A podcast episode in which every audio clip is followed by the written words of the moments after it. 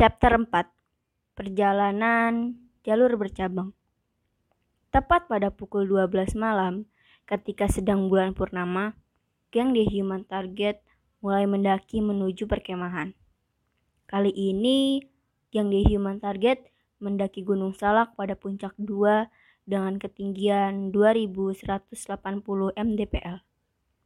Pada pendakian kali ini, Marwan berperan sebagai leader yang membawa keperluan logistik, diikuti oleh Salwa, Sally, Torik sebagai porter, dan Hasbi yang berperan sebagai sweeper di belakang. Sumpah, ngapa pada aneh dah naik tengah malam gini. Nyari penyakit banget. Tapi gue juga kalah suara. Anjir. Tapi kan biasanya juga kalau naik gunung emang malam. Apa jadi takut gitu? Iya sih, tapi ini gunung salak gila. Sel, naik malam-malam itu tenang. Nggak desek-desekan. Slow banget dah. Chill pokoknya. Masalahnya, di Google ada mitos yang bilang tiga orang pendaki hilang tersesat selama tiga bulan di Gunung Salak. Terus munculnya di Cirebon. Kan serem banget. Sel, udahlah, cukup ceritain mitos-mitosnya kemarin aja. Sekarang waktunya have fun. Ketika mereka sedang asik mengobrol dan bercanda, tiba-tiba mereka dikejutkan dengan jalan bercabang tiga. Saat itu, Marwan pun sudah mempunyai perasaan tak enak ketika Sally mengucapkan kata kasar di daerah sakral dan juga bisa dibilang suci. Mereka pun sepakat untuk mengambil arah jalan ke kanan karena saking bingungnya. Panah-panah penunjuk jalan pun tak ada di pandangan mata. Sejujurnya, perasaan Marwan pun semakin tidak enak ketika menyium bau anyir di jalur pendakian menuju perkemahan tersebut.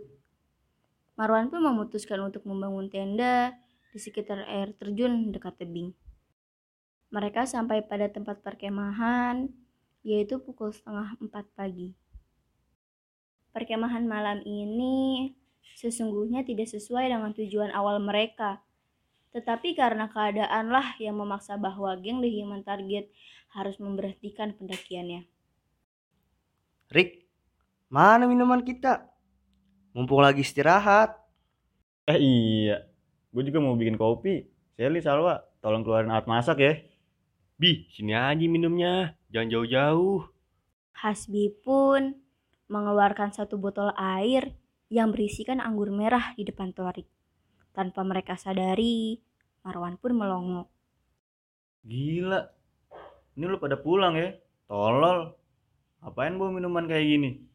Lu pada baru pertama kali naik gunung? Enggak kan? Banyak-banyak istighfar dah lu berdua. Keadaan pun menjadi hening dan tegang. Ditemani suara burung gagak dan jangkrik pun membuat seluruh bulu kuduk Torik dan Hasbi merinding. Akan tetapi, sikap Marwan seperti itu pun tak salah karena ia sudah diamanahkan oleh kakeknya untuk menjaga teman-temannya. Salwa dan Sally pun mengikuti perintah Marwan untuk mengeluarkan alat masak dengan mulut terkunci. Begitulah memang kalau Marwan sudah marah. Seketika suasana pun mencengkam. Setelah membuat kopi dan memakan snack-snack yang ada, Salwa dan Sally pun tertidur. Ketika mereka tertidur, mereka merasa tak nyaman, seperti ada hal yang aneh yang terjadi di antara mereka. Marwan pun tak lama tertidur pada tenda sebelah Salwa dan Sally. Mereka memang membawa dua tenda di setiap pendakian. Kasihan porter The Human Target. Saat itu hanya Torik dan Hasbi yang tidak tidur karena sudah sepakat untuk membangunkan teman-temannya ketika azan subuh berkumandang. Azan subuh pun berkumandang. Hasbi segera membangunkan teman-temannya. Para ciwi, bangun para ciwi. Udah subuh ya, jangan pada males dah ah jadi perempuan padaan. Ayo Neng, bangun Neng. Nih juga nih Marwan. Bangun Wan, ayo kita sholat subuh berjamaah. Tapi kalian berempat aja, gua kan enggak. Hehehe. Iya, gue udah bangun.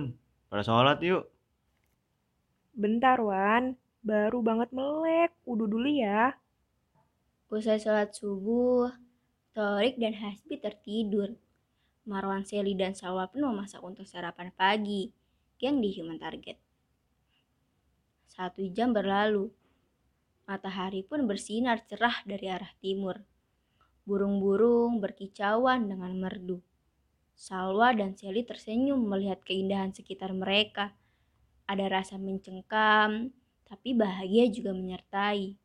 Tepat di depan mereka sudah terpampang jelas air terjun yang indah. Udara sejuk pun terasa. Sesekali air terjun menyipratkan airnya ke arah Salwa dan Seli yang sedang memasak. Alhamdulillah, selesai juga nih masakan. Bangunin anak-anak biar pada makan Gisel. Torik, Hasbi, pada bangun ya, makanan udah siap. Masya Allah, cantik banget pemandangan ini. Mandi dulu kali ya baru makan. Tinggal nyebur doang ini seger banget dah. Et buset. Gila, gila. Nggak nyesel dah gua buka tenda di sini. Setelah makan pun, yang Human Target asik berfoto-foto di air terjun dan juga bersenda gurau. Marwan, sang leader pun sejujurnya juga ragu hendak melanjutkan perjalanannya atau tidak. Marwan pun memutuskan untuk menyusuri jalan itu sendirian, memastikan terlebih dahulu. Gengs, gue cek jalur dulu ya. Jangan pada macam-macam lah pada. Siap laksanakan Pak Komandan. Marwan pun mulai berjalan sendirian ke arah atas tebing untuk memastikan. Semakin tinggi ia menanjak, semakin tercium bau sajen. Tak lama pun terpampang nyata di depannya ada satu paket lengkap sajen di bawah pohon yang besar. Tak lama terdengar suara hentakan kaki di balik semak-semak yang menjulang tinggi. Jantung Marwan pun berdebar. Ya Allah dek, bapak kira siapa? Kaget banget saya. Astagfirullahaladzim. Saya lemes banget. Kenalin, saya Mang Upin, warga sekitar Gunung Salak. Saya Marwan, Pak.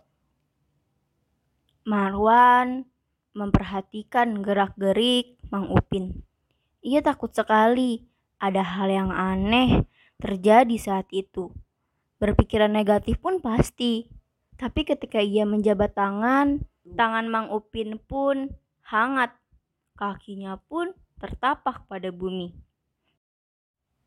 Informasi yang Marwan dapatkan dari Mang Upin bahwasannya jalur yang ia susuri ini adalah jalur menuju hutan Gunung Salak, bukan menuju puncak Gunung Salak. Jalur cabang tiga yang sudah ada human target hadapi pun juga salah ketika memutuskan untuk mengambil jalan ke arah kanan. Karena yang seharusnya dipilih yaitu berjalan lurus saja ke depan. Marwan pun turun dari pendakiannya menuju perkemahan dengan perasaan gelisah. Rasanya ia hanya ingin berteriak saja, bahwasannya keadaannya saat ini tidaklah aman. Ketika sudah sampai pada tempat pendirian tenda, dengan nafas yang terengah-engah dan jantung yang berdebar-debar, Marwan segera mengomando teman-temannya untuk segera membereskan tenda dan pergi dari tempat itu. Teman-teman yang lainnya pun kaget apa yang terjadi di atas sampai pada akhirnya Marwan meminta mereka semua untuk bergegas pergi dari tempat itu. Wan, kenapa sih? Baru jam 11 siang, masa udah pulang? Gue ceritain nanti ya. Pokoknya sekarang Geci rapin. Barang-barang sudah rapi. Tenda pun sudah siap dibawa oleh Torik. Perjalanan pulang menuju base camp Mang Asep pun dimulai. Mereka menyusuri kembali jalan setapak yang berada tepat di depan mereka. Lah, bentar dah. Ini kok ada arah panah menuju Gunung Salak ya? Sumpah, sumpah. Gue inget banget. Semalam gak ada nih panah. Bukannya semalam ini jalan bercabang ya? Kok ini cuma dua arah? Geng di Human Target memang benar-benar menyadari ada yang tak beres Dalam pendakian yang kali ini menuju puncak Gunung Salak. Masuk jalur pendakian saja belum. Bahkan mereka masih di kaki Gunung Salak.